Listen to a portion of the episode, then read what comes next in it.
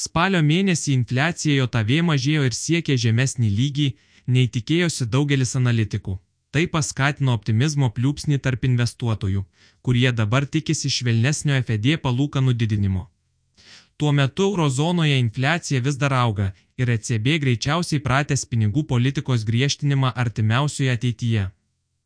Nepaisant to, Per pastarąjį mėnesį Europos akcijų rinkos pademonstravo 13 procentų šuolį ir šiuo metu gali būti kiek pervertintos. Optimizmo pliūpsnis JOTV rinkose. JOTV biržose akcijų kainos pakilo daugiausiai per dviejus metus po to, kai paskelbti naujausi duomenys parodė mažėjantį infliacinį spaudimą. Tai paskatino rinkos dalyvių viltis, kad Federalinis rezervų bankas FED sumažins agresyvų palūkanų didinimo tempą. Pagrindinis JOTV biržų indeksas SP500 lapkričio 10 dieną pakilo daugiau kaip 3 procentai, iliustruodamas geriausią reakciją į paskelbtus VKI duomenis nuo 2008. -ųjų. Technologijų įmonių gausus Nasda indeksas suktelėjo 5,2 procentai. Beveik visas JOTV išdo obligacijų pajamingumų spektras paaugo. Dviejų metų obligacijų pajamingumas, kuris jautriai reaguoja į pinigų politikos pokyčius, sumažėjo 21 bazinių punktų ir lapkričio 7 dieną pasiekė aukščiausią lygį šiais metais 4,72 procentai. FED turėtų sulėtinti savo tempą. Metinė infliacija spalio mėnesį JOTV sudarė 7,7 procentai ir buvo mažiausia nuo šių metų vasario mėnesio. Jo sumažėjimas taip pat pranoko analitikų prognozes ir tai suteikė pagrindo teikti, kad šių metų birželį pasiektas infliacijos pikas 9,1 procentas lieka praeitie. VKI duomenys taip pat parodė, kad mėnesinis vartotojų kainų indeksas, palyginus su spaliu, buvo mažesnis nei tikėtasi. Rinkos dalyviai prognozuoja, kad per gruodžio mėnesį numatytą FED posėdį bazinės palūkanos bus pakeltos pusę procento punkto vietoje pastarąjį pusmetį įprastų tapusio 0,75 procentai kelimo. Rinkos bando nuspėti jo tavė palūkanų piką. Vis dėlto FED lengvai savo politikos skripties greičiausiai nekeis. Centrinio banko valdybos pirmininkas Jerome Polelas abstrakčiai pareiškė, kad bazinių palūkanų pikas bus aukštesnis, nei buvo manyta anksčiau. Wall Street atstovai suskubo keisti tikslinių ribų prognozes ir nustatė 5 procentai ar aukštesnį bazinių palūkanų lygį. Pavyzdžiui, banko nomūro analitikai savo tikslinį palūkanų įvertį padidino iki 5,5-5,75 procentų ribos. Tuo metu beveik visų jo tavėždo obligacijų pajamingumas per pastarąsias kelias savaitės šoktelėjo į naujas aukštumas. Pajamingumo kreivė matuojama atotrukiu tarp 2 ir 10 metų JOTV obligacijų pajamingumo, išliko apversta ir pasiekė naują inversijos lygį ties neigiamą 69 bazinių punktų riba. Tokio inversijos lygio ši kreivė nematė net per 2008 metus krizę. Šios kreivės inversijos dydis ir trukmė koreliuoja su verslo ciklu ir yra artėjančių ekonominių sunkumų indikatorius. JOTV dolerio stiprėjimas taptelėjo. JOTV dolerio vertė kitų valiutų atžvilgių sumažėjo. Swedbank valiutų strategų manimų, vidurio kadencijos rinkimai ir blėstant JOTV infliacija gali dar labiau susilpninti JOTV dolerį kitų valiutų atžvilgių. Kita vertus, prognozuoti JOTV DOL.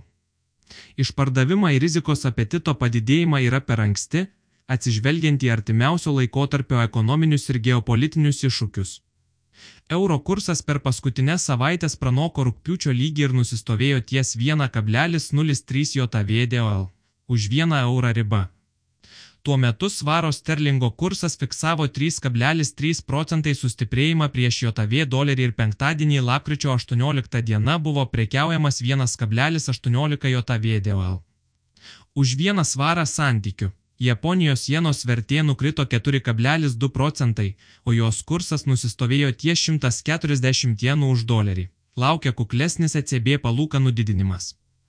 ECB turėtų sulėtinti savo pinigų politikos griežtinimo tempą gruodį padidindamas palūkanas pusę procento punkto. Pirminės diskusijos valdančioje taryboje rodo, kad dar vienam bazinių palūkanų padidinimui 0,75 procentai punkto pritarimo kol kas nėra. Tiesa, Skirtingai nei JAV, infliacija eurozonoje vis dar didėja ir spalio mėnesį kirto dviženklę ribą 10,6 procentai. Lapkričio pradžioje Estijoje viešėjusios ECB vadovės Kristinė Lagardė teigimu, pinigų politika turi aišku vaidmenį užtikrinant kainų stabilumą. Ir tai bus pasiekta vidutiniu laikotarpiu. O kol kas Centrinis bankas yra šio proceso kelyje. Sledbank analitikų vertinimu, ECB vadovė žodžius galima interpretuoti kaip bent kelis numatomus bazinių palūkanų padidinimus, nors jų tempas greičiausiai bus mažesnis, nei mes stebėjome pastaruoju metu.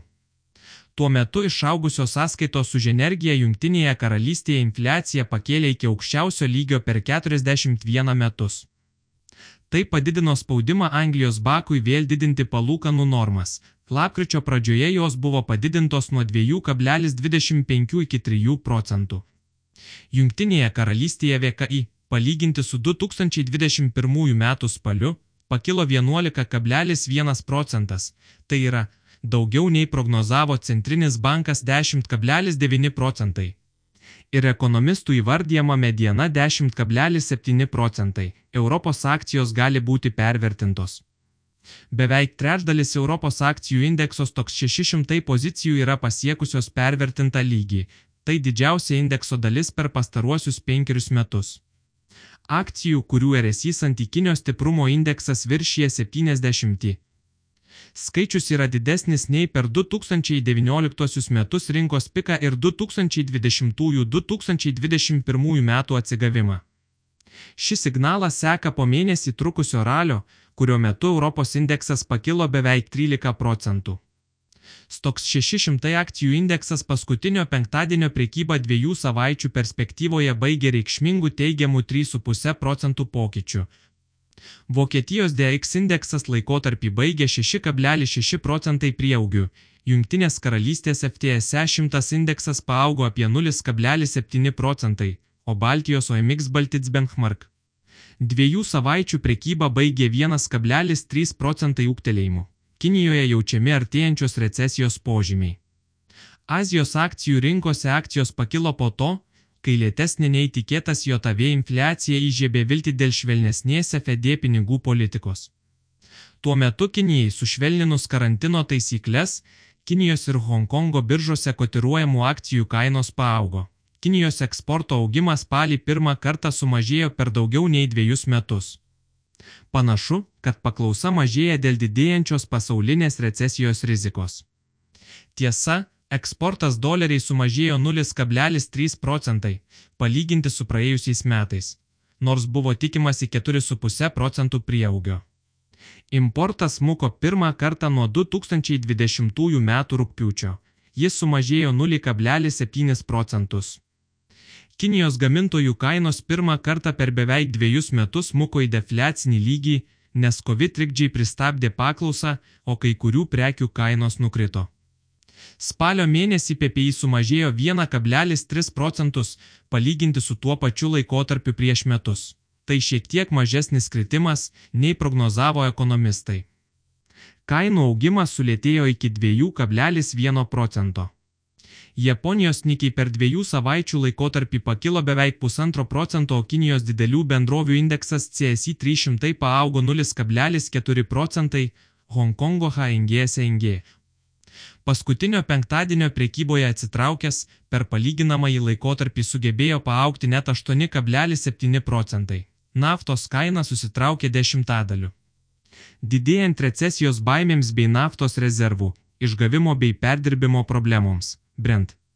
Naftos sandoriai dviejų savaičių perspektyvoje buvo prekiaujami ne 10,5 procentų žemiau ankstesnio lygio ir lapkričio 18 dieną siekė 87,6 JVDOL.